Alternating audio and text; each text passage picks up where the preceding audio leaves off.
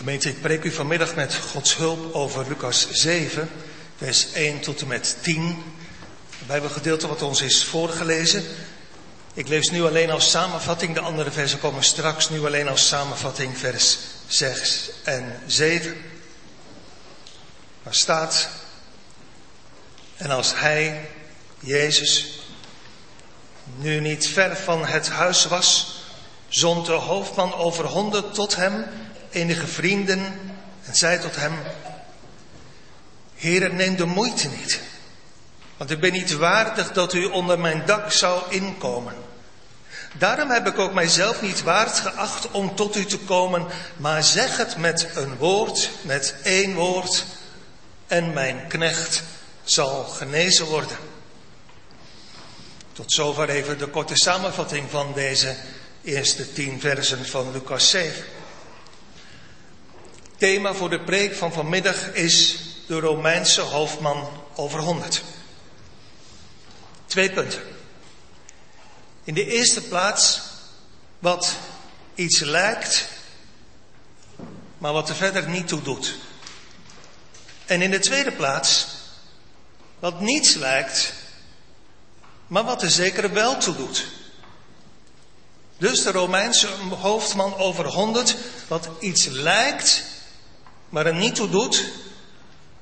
En wat niets lijkt, maar wat er juist wel toe doet. Is dat eerste dus, wat iets lijkt voor het oog van ons mensen, maar er niet toe doet.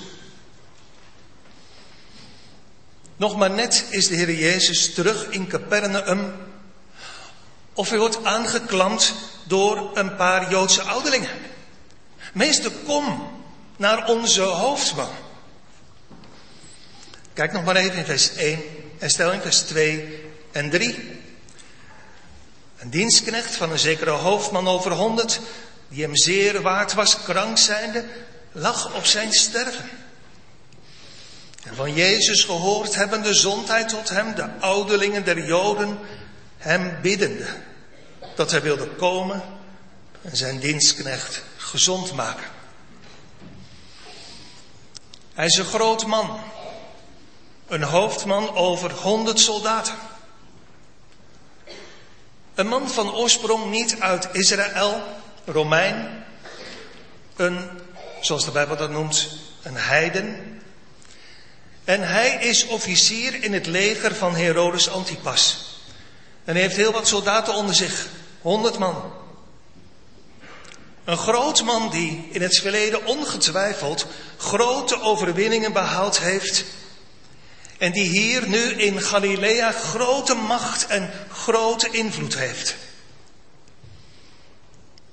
Dat lijkt heel wat. Maar daar hoor je verder weinig meer over. Hij is trouwens niet alleen groot, een groot man, maar hij heeft ook een groot probleem. Zijn knecht. Waarschijnlijk een ontwikkelde slaaf, een trouwe dienaar. Hij noemt hem in vers 7 mijn knecht. Waarschijnlijk zijn rechterhand. Hij is ernstig ziek. Matthäus zegt in hoofdstuk 8 van zijn evangelie, hij schrijft er ook over, dat hij verlamd is en zware pijn lijdt. Lucas de dokter schat het op zijn eigen manier in en zegt in vers 2, hij ligt op zijn sterven. Maar gelukkig zijn er mensen die die hoofdman willen helpen. Nota bene, Joodse ouderlingen, die hem, horend bij het leger van Herodes Antipas, willen helpen. Want volgens de Joden heeft hij zich niet alleen verdienstelijk gemaakt in het leger van de Romeinen, maar ook voor het Joodse volk. En dus komen die ouderlingen naar Jezus toe. De hoofdman zelf stuurt ze. Met een bijzonder verzoek. Je zou er bijna van onder de indruk raken. Zij, die Joodse ouderlingen, komen naar Jezus toe. Ja, maar niet voor henzelf. Voor iemand anders. Voor hun man, voor hun hoofdman. Zoals je ook nu in deze tijd, zoals je ook nu vanmiddag, bidden tot Jezus kan gaan. Maar voor iemand anders. Zoals je ook nu vanmiddag intens naar de preek kunt luisteren, maar net als altijd weer voor iemand anders, maar niet voor jezelf. Mensen, dat is gevaarlijk. Dat lijkt wel heel wat, maar dat stelt wat jezelf betreft weinig voor. Zij komen naar Jezus met een dringend verzoek. Kijk maar in vers 3. Ze bidden hem. Sterker nog, vers 4. Ze baden hem ernstig. Ze smeken. Kom, meester, want zijn knecht ligt op sterven. En hij is het waard. Want, twee dingen. Vers 5. Want hij heeft ons volk lief. Dat is de eerste. En het tweede. Hij zelf heeft ons de synagoge gebouwd. En dat is, als je dat een beetje tot je door laat dringen, wel bijzonder, toch? Deze van oorsprong heidense man heeft het volk van Israël lief. En hij heeft van zijn eigen geld en met zijn eigen mensen een nieuwe synagoge gebouwd. En daarbij, hij heeft ook nog zijn knechten, zijn slaven lief.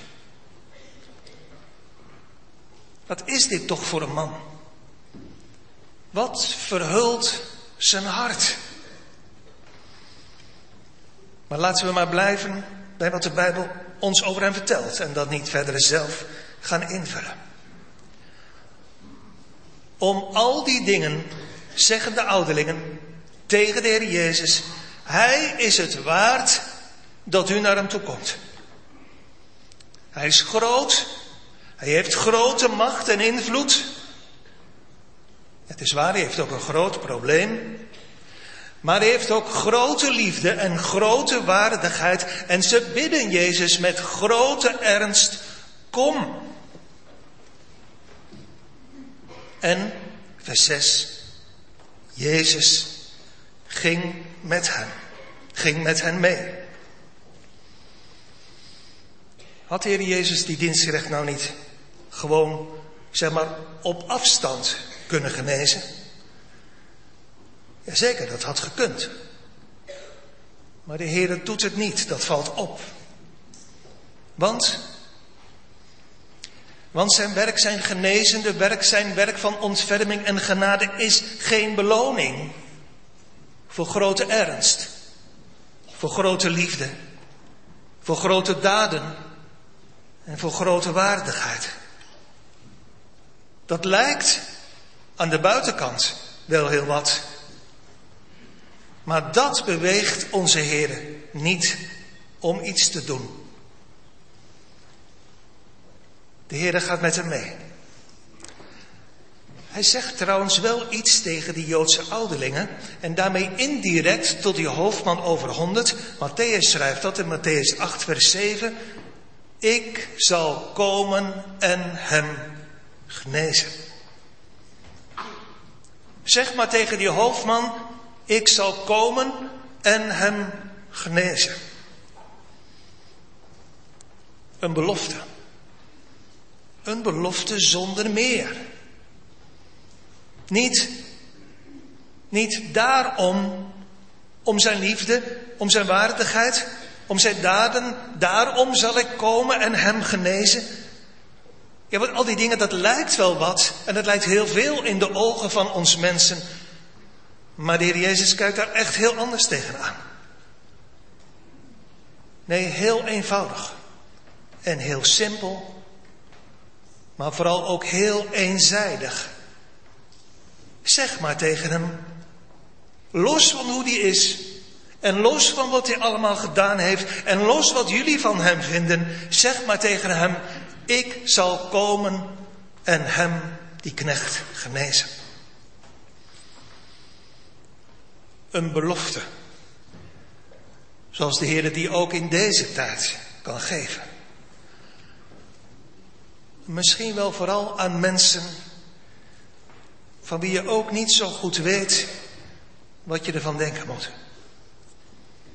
Ze passen niet zo in ons plaatje, net als hij. Dienend voor Herodes Antipas. Ja, hij is wel anders dan andere mensen. En hij houdt ook van het volk van de Joden en hij houdt van zijn slaven, maar, maar verder. Waar is zijn beleidenis? Waar is zijn vrijmoedig spreken over de Heer Jezus en over het werk van de Heer in zijn hart? Zoals er ook nu, ongetwijfeld ook hier in Dordrecht, van die stille, onzichtbare mensen kunnen zijn. Ja, je merkt wel wat aan ze. Maar verder. Er zijn wel dingen die opvallen. Hun liefde tot God, tot zijn woord, tot zijn dienst, tot zijn volk. Hun liefde tot de naaste. Maar, maar verder. Wij zien aan wat voor ogen is. Maar de Heer ziet het hart aan. De Heer heeft een woord voor hem. Juist voor hem. Niet voor die vrome Joden. Niet voor al die godsdienstige mensen die in het openbaar zo ernstig bidden. Ze verdwijnen compleet naar de achtergrond. De Heer heeft, zo schrijft Matthäus, een woord voor deze hoofdman. Zeg het maar, ik zal komen en hem genezen. Een belofte uit de mond van de Heer. Terwijl zoals zo vaak, de vervulling van die belofte nog totaal onzichtbaar is. Sterker nog, het is een woord van God wat lijnrecht staat tegenover de zichtbare werkelijkheid. Ik zal hem genezen. Ja, maar hij ligt op zijn sterven. En wat blijkt? Bij die hoofdman, maar ook nu, Vanmorgen, vanmiddag, als God spreekt door zijn woord, wat blijkt? Als de Heer spreekt, gaat hij vragen, gaat hij redeneren en zegt, ja maar, maar ik zie nog helemaal niks gebeuren. Of, kan ook, gaat hij zeggen, oh natuurlijk, dat had ik wel verwacht. Dat hij naar mij zou toekomen, want zo is Jezus. Nee, dit woord, dit beloftewoord, haakt als met een weerhaak in zijn hart. En meer dan ooit voelt hij zijn onwaardigheid. Jezus komt eraan. Naar mijn huis. Maar, maar wie ben ik eigenlijk? Ik ben het niet waard dat Hij, Jezus, onder mijn dak zou komen. Ja, maar Hij komt wel. Ziet u gemeente hoe het geloof in Gods beloften. Want dit is geen ongeloof. Hij gelooft het, Jezus komt eraan. Ziet u hoe het geloof in de belofte een mens meer dan ooit zijn of haar onwaardigheid laat voelen. Ziet u hoe het woord van de Heer ons meer dan ooit laat buigen? Ja, Heer, maar de mensen denken wel dat ik het waard ben, maar, maar dat is niet zo. Ik ben het niet waard. Dat hoort ondertussen eigenlijk bij het tweede punt wat niets lijkt, maar er zeker wel toe doet. Wat niets lijkt, maar wat er zeker wel toe doet. En waar doe ik dan op? Op dat wat ik net zei. Meer dan ooit voelt die hoofdman zijn onwaardigheid als hij via die boodschappers de belofte hoort uit de mond van de Heer Jezus. Als ik denk aan, als ik pleit op het woord, zoals de dichter zegt van Psalm 119, gesproken tot uw knecht, waarop de Heer me verwachting gegeven heeft. Wat zeg ik dan? Wat denk ik dan? Oh, natuurlijk.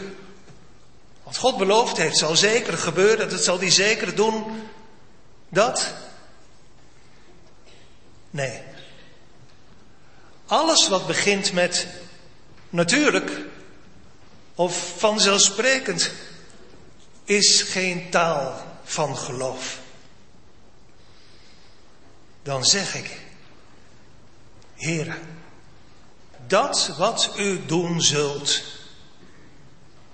dat ben ik niet waard.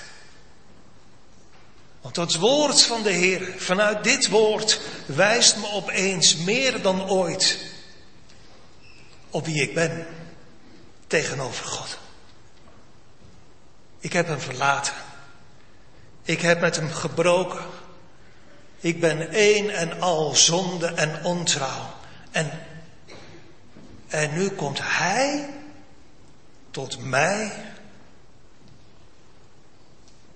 Hij zegt in vers 6 en 7, via een paar vrienden, Heren, neem de moeite niet. Want ik ben niet waardig dat u onder mijn dak zou inkomen.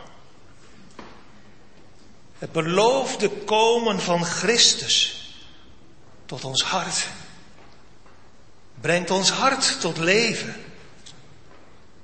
en tot verootmoediging. Dat is hetzelfde, jongens en meisjes, als klein worden, diep buigen. Het woord van de Heer dat tot ons gesproken brengt ons tot, tot ootmoed. En dat lijkt voor het oog van ons mensen niets. Maar dat doet er zeker wel toe. Want dat niet zijn in onszelf verbindt ons aan God. Hebt u dat trouwens ook gezegd? U wist waar de preek over ging, want dat stond op de website. Hebt u dat vanmiddag ook gezegd? Op weg naar de kerk? Of thuis toen u in stilte uw knieën boog? Op de plek die u daar thuis voor hebt? En toen u wilde vragen om een zegen voor deze dienst, hebt u dit toen ook gezegd? Heren, neem de moeite maar niet. Want ik ben niet waard dat u hier zou komen, dat u onder mijn dak zou inkomen. Hebt u dat ook gezegd? Van trouwens op dat dat niet alles is. Hè? Hij gaat verder. Hij zegt, daarom heb ik ook mijzelf niet waardig geacht om naar u toe te gaan, om tot u te komen. Maar, dat is het wonderlijke van het geloof. Het geloof zegt altijd, maar. Het buigt diep in ootmoed en onwaardigheid. Maar zegt maar. Maar Heere, zeg het met één woord. En mijn knecht zal genezen worden. Groot zijn, zo begon ik. Groot zijn in aanzien, in invloed, in goede werken, in liefde, in goede daden, in waardigheid in de ogen van anderen. Dat doet u niet toe. Maar dit wel. Groot zijn in ootsmoed. En u voelt als u meedenkt, als ik dat zeg, dat het eigenlijk niet klopt. Dat is eigenlijk een tegenstelling. Groot zijn in klein zijn. Groot zijn in niet waard zijn. Groot zijn in geloof. Omdat ik het niet waard ben dat u onder mijn dak zou inkomen. Vers 6. Daarom. Vers 7 en 8 heb ik ook mezelf niet waardig geacht om tot u te komen. Maar zeg het met één woord en mijn knecht zal genezen worden. Zij, die, Joodse ouderlingen en anderen, achter mij het waard. Maar Heer, ik mezelf niet. Wat een blijk van het werk van God in het leven van deze man. Hoogmoed. Ik ben het wel waard. Om wie ik ben en om wat ik zeg en om alles wat ik doe en gedaan heb.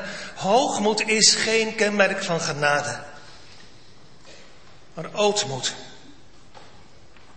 De diepe beleidenis uit het hart. Ik ben het niet waard, Heer, dat u naar mij zou toekomen. Dat is een teken van het werk van God in het hart. Maar wat een wonder is het, vindt u ook niet, dat Jezus hem, die zichzelf onwaard acht om tot Jezus te gaan, uit genade wel waard acht om naar hem toe te komen. Want, ik lees verder in vers 8, ik ben ook een mens onder de macht van anderen gesteld, hebben de krijgsknechten, soldaten onder mij. En ik zeg tot deze, ga en ik gaat en tot een ander kom en die komt. Tot mijn dienstknecht, doe dat. En hij doet het. Letterlijk staat er, ik ben ook een man van, van autoriteit, van gezag. Ik heb ook macht en gezag boven me. Zelf heb ik wel macht over die honderd soldaten, over mijn ondergeschikten. Maar er is ook een macht boven me waar ik geen macht over heb. Zoals de macht van deze dodelijke ziekte van mijn knecht. Maar, heren, u hebt alle macht.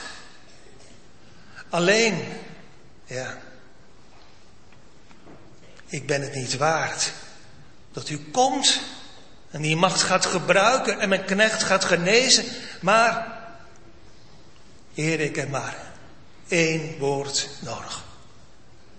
Een woord van u is genoeg. Dan zal mijn knecht genezen zijn. Heer, dat geloof ik. En dat geloof, zegt de Heer vers 9, is een groot geloof. Welk geloof is een groot geloof? Dat geloof dat zegt, daarom heb ik ook mijzelf niet waardig geacht om tot u te komen, maar zeg het met een woord en mijn knecht zal genezen worden. Dat is taal van groot geloof. Het lijkt voor het oog niets toch? Maar dat doet er zeker wel toe. Dit is levensreddend. Hoe simpel. Hoe eenvoudig. Dit haalt alle ingewikkelde definities van geloof onderuit. We kunnen het zo moeilijk maken. Ik ook. Geloven, dat is dit en dat en dan nog dat en dat en dat ontlokt u onwaardigen ook in Dordrecht. Ongetwijfeld een diepe zucht. We kunnen het u zo moeilijk maken. Maar het is zo eenvoudig. Dit is geloof. Heren, ik ben het niet waard. Maar zeg het met één woord en mijn knecht zal genezen worden. Zegt u, heren, alstublieft één woord en dan zal alles veranderen. Zegt u tot mij, die knecht is gezond en dan zal die genezen zijn. Ik ben het niet waard, heren. Maar zegt u tot mijn ziel, ik ben uw heil alleen. En mijn ziel zal gered zijn. Zo eenvoudig. Zo simpel.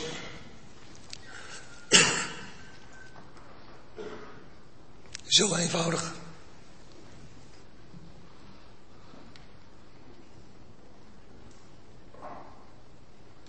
Zo eenvoudig. zo simpel.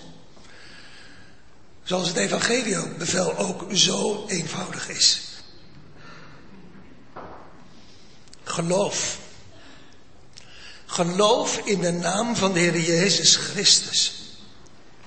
De gezonde zaligmaker van zondaars.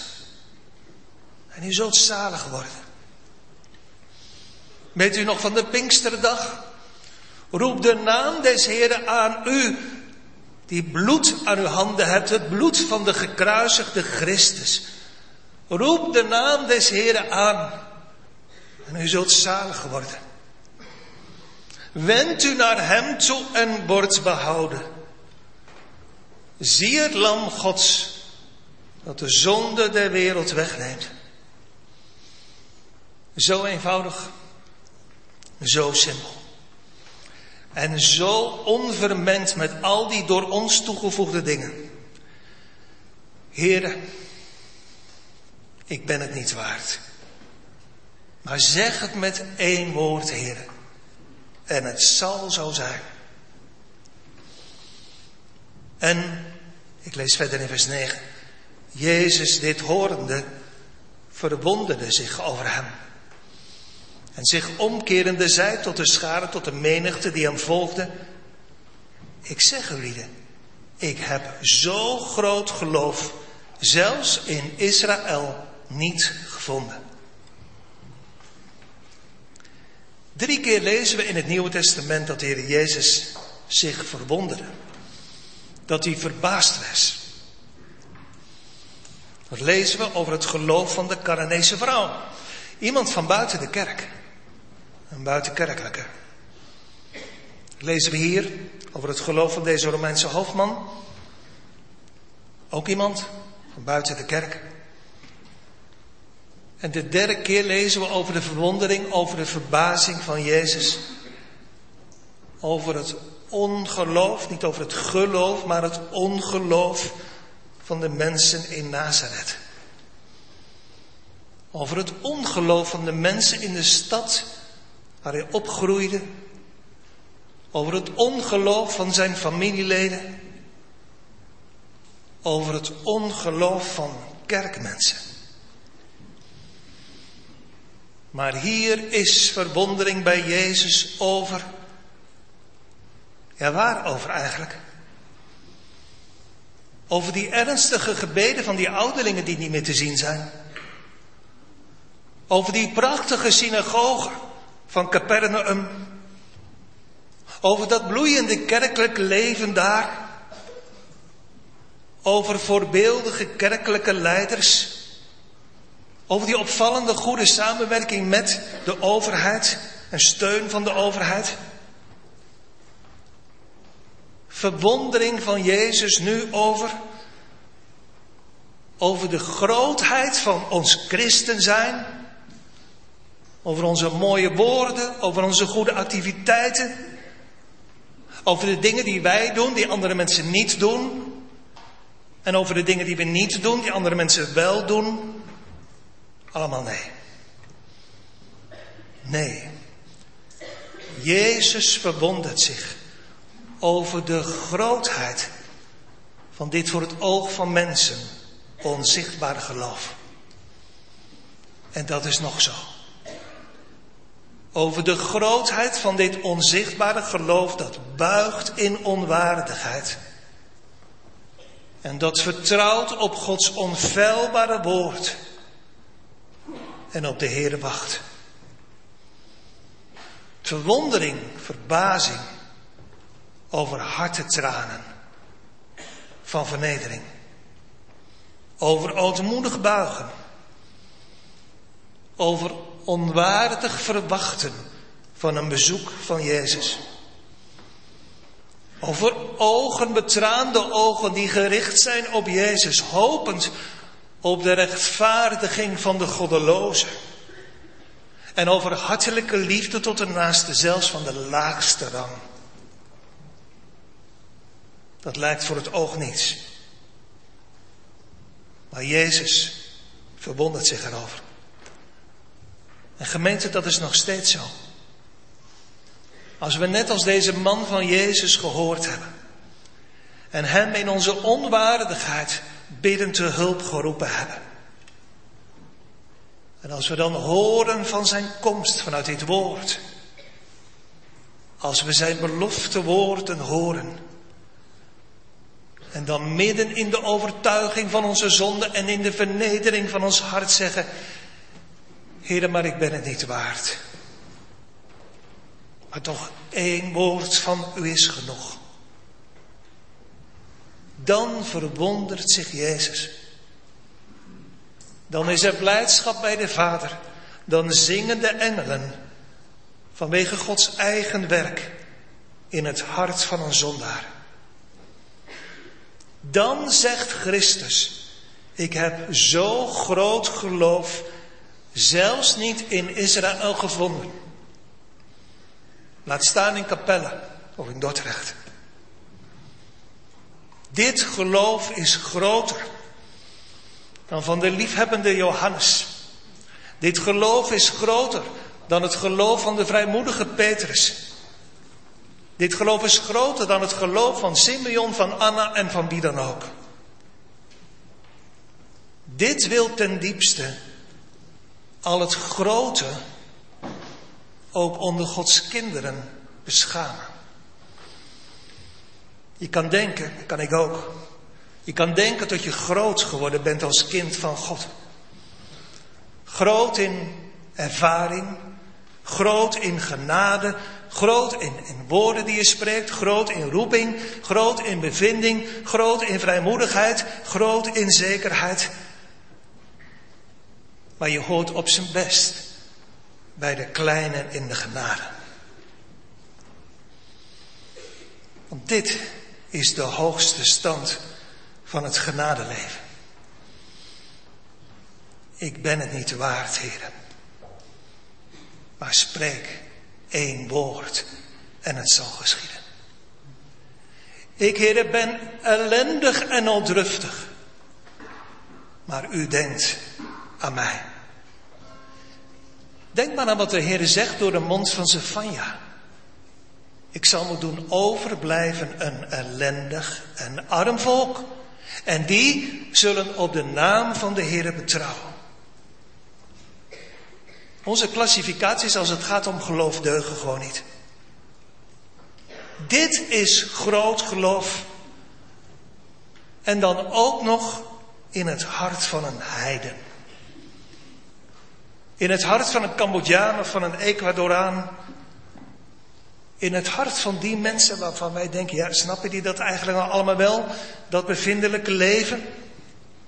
En trouwens, ze hebben daar ook nog nooit iets moois over verteld tegen mij. Dit is echte bevinding. Dit is waar geloof. En het is groot. In Capernaum in Capelle, in Dordrecht en wereldwijd. Heer, hier is mijn nood. Mijn ellende, mijn nood en mijn dood. Heer, ik ben het niet waard. Maar één woord van u is genoeg. Zo simpel en zo eenvoudig dat wij godsdienstige kerkmensen er eigenlijk niet mee uit de voeten kunnen. Maar dat zei de Heer Jezus ook. Het is voor de wijzen en de verstandigen ook in de godsdienst verborgen. Maar het wordt, dat ziet u hier, de kinderkunst geopenbaard. Hebt u ooit zo gemeente, jullie jongelui, de nood van uw, de nood van jouw hart aan de voeten van de Heer gelegd. Heer, ik heb grote nood. Maar Heer, ik ben maar klein. En hoe dichter ik bij u komt en hoe dichter u bij mij komt, hoe meer ik mijn nietigheid en mijn kleinheid en mijn onwaardigheid zie en geloof. Maar het is uw grootheid, Heer, dat één woord van u genoeg is. En dat geloof ik.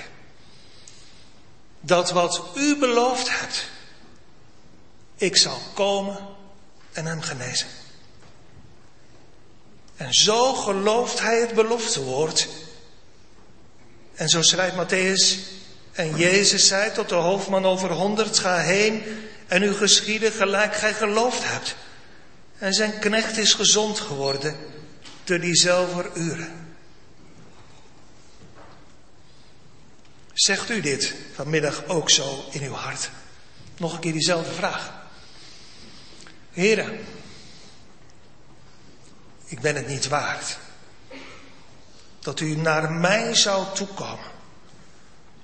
Maar heren, zeg het met één woord en mijn ziel zal gered zijn. U zegt, ja, maar was het maar zo simpel? Ja, maar zo simpel is het. U zegt, ja, maar je moet eens weten hoe ingewikkeld het bij mij is. Weet u met alle respect, maar dat hoef ik niet te weten. Mijn enige vraag is, zegt u dit ook? Heer, ik ben het niet waard. Maar zeg het met één woord. Kijk, Heer, hier is mijn nood en mijn dood. Mijn vijandige en verloren hart. Maar zeg Heer alstublieft één woord. En dan zal mijn ziel op weg naar de eeuwigheid gered zijn. Waarom, jongelui hier in de kerk, fijn dat je er bent en zo goed luistert. Maar waarom zeg je dit eigenlijk niet zo als je het tenminste niet zegt? Waarom zeg je dit niet zo net als deze man? Heel eenvoudig, nu in je hart en straks thuis even stil achteraf op je knieën. Heer, ik ben het niet waard dat u onder mijn dak zou inkomen. Maar spreek, Heer, alstublieft één woord. En dan zal dit dode hart leven en genezen zijn. Waarom zeg je dat eigenlijk niet? Of geloof je niet dat het waar is? Dat één woord genoeg is? Maar ja, dan zou God een leugenaar zijn. Of ben je misschien bang tot het wel waar is? Want volgens mij maken heel veel mensen geen werk van hun bekering, omdat ze diep in hun hart bang zijn voor de verhoring van hun gebeden. Je denkt bij jezelf, ja maar, stel je nou voor dat ik dat bid en dat de Heer dan echt één woord spreekt. En dan, wat moet ik dan allemaal gaan doen? Dingen die ik nu niet doe. En heb ik daar wel zin in? En, en, waar moet ik dan allemaal mee stoppen? Wil ik dat wel? Ik snap die vraag en dus is mijn vraag aan jullie jongelui. Wil je wel echt verkeerd worden? Ik kan me trouwens goed voorstellen dat je het niet wil. Want het zal een breuk betekenen, hoe het ook zij, met je huidige leventje. En ik snap je. Je weet hoe het nu voelt. Maar je weet niet wat je ervoor terugkrijgt. Maar toch wil ik je, ondanks die onzekerheid in je hart die ik begrijp, toch wil ik je vanmiddag dringend vragen. Jullie jongelui, maar ook jullie jongens en meisjes, kinderen, volwassenen, ouderen, allemaal op weg naar de eindeloze eeuwigheid om al die dingen die er in je leven zijn en die niet kloppen, bij de Heer te brengen. Zoals deze hoofdman over honderd zijn zieke knecht bij de Heer brengt. Doe alsjeblieft zo met alles wat je weghoudt van God. Bid nou gewoon eerlijk en zeg, Heer, ik, ik weet gewoon niet of ik dit wel wil. En ik weet eerlijk gezegd niet of ik u echt wel wil dienen. Ik zie trouwens ook helemaal geen probleem met mijn huidige leven. En ik weet niet of ik wel echt zin heb om te bidden en de Bijbel te lezen. Ik zie eigenlijk ook niet het probleem dat over me geschetst wordt, dat ik op weg ben naar de eeuwigheid en misschien wel op het punt sta om vandaag voor u te verschijnen. Diep in mijn hart geloof ik helemaal niet dat het allemaal waar is. Ik geloof er niks van. Kom nou en zeg dat allemaal eerlijk tegen de Heer.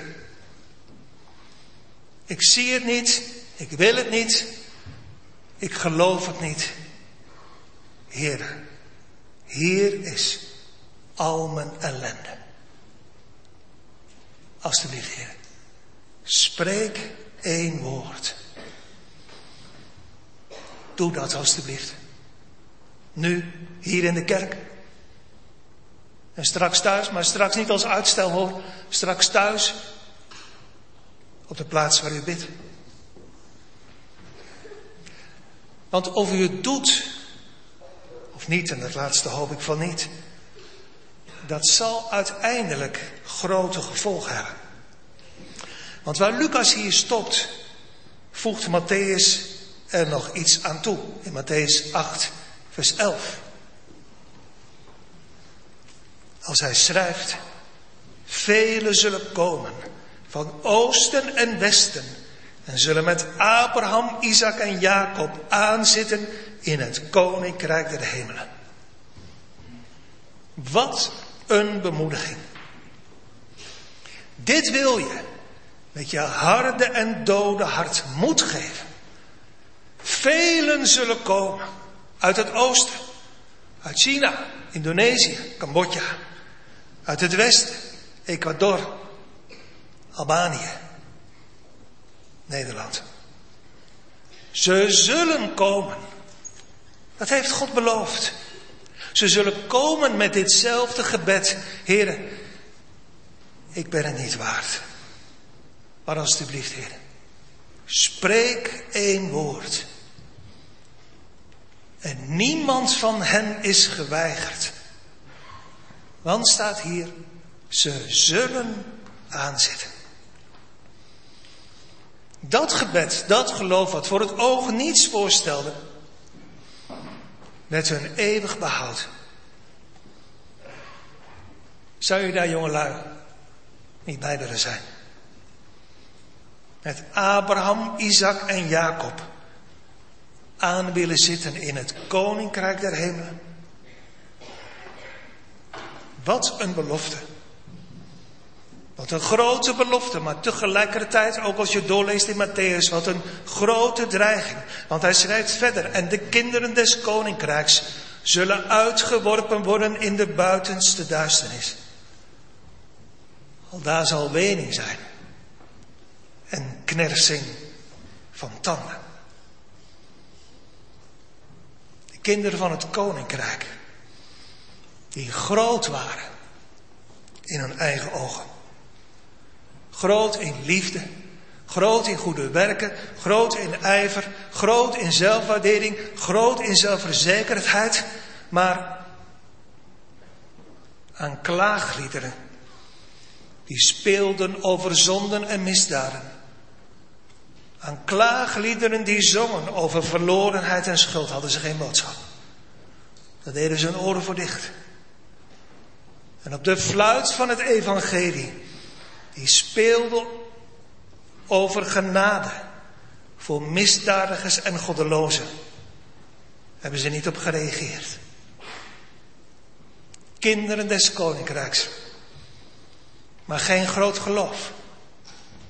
Zelfs geen klein geloof. Geen acht geslagen, zoals de Hebreeënbrief zegt, op een zo grote zaligheid. En nu, Alsjeblieft, zie dit onder ogen als werkelijkheid. Groot verdriet, buitengeworpen. Grote duisternis, de buitenste duisternis. Grote beroeging, wening, tranen en grote haat, knessing van tanden. Waarom wil je verloren gaan? Waarom volwassenen, ouderen, wilt u ook als voor het oog godsdienstig mens verloren gaan? Waarom wilt u nu niet en straks niet thuis in het verborgen op uw knieën zeggen, Heer, ik, met mijn zogenaamde goede gedrag, maar Heere, eerlijk, ik ben het niet waard, dat u onder mijn dak zou inkomen maar Heere, spreek één woord. En mijn ziel zal gered zijn. Doe het. Nu. Straks thuis op uw knieën. En geloof dit woord, omdat God het zegt. Zie op hem en word behouden. Geloof in de Heer Jezus Christus en u zult zalig worden. Laat het toch, lieve mensen, niet gebeuren. Dat je straks, en wie weet hoe snel dat kan zijn, buiten geworpen wordt. Als een kind van het koninkrijk. Met het teken van het verbond, met het teken van de doop op je voorhoofd. Uw tijd is kort. Kom nu en zeg in uw hart, Heer, zaligmaker van zondaars, van verloren mensen. Ik, Heer, ben het niet waard. Maar alstublieft, spreek één woord en mijn ziel zal gered zijn. Amen.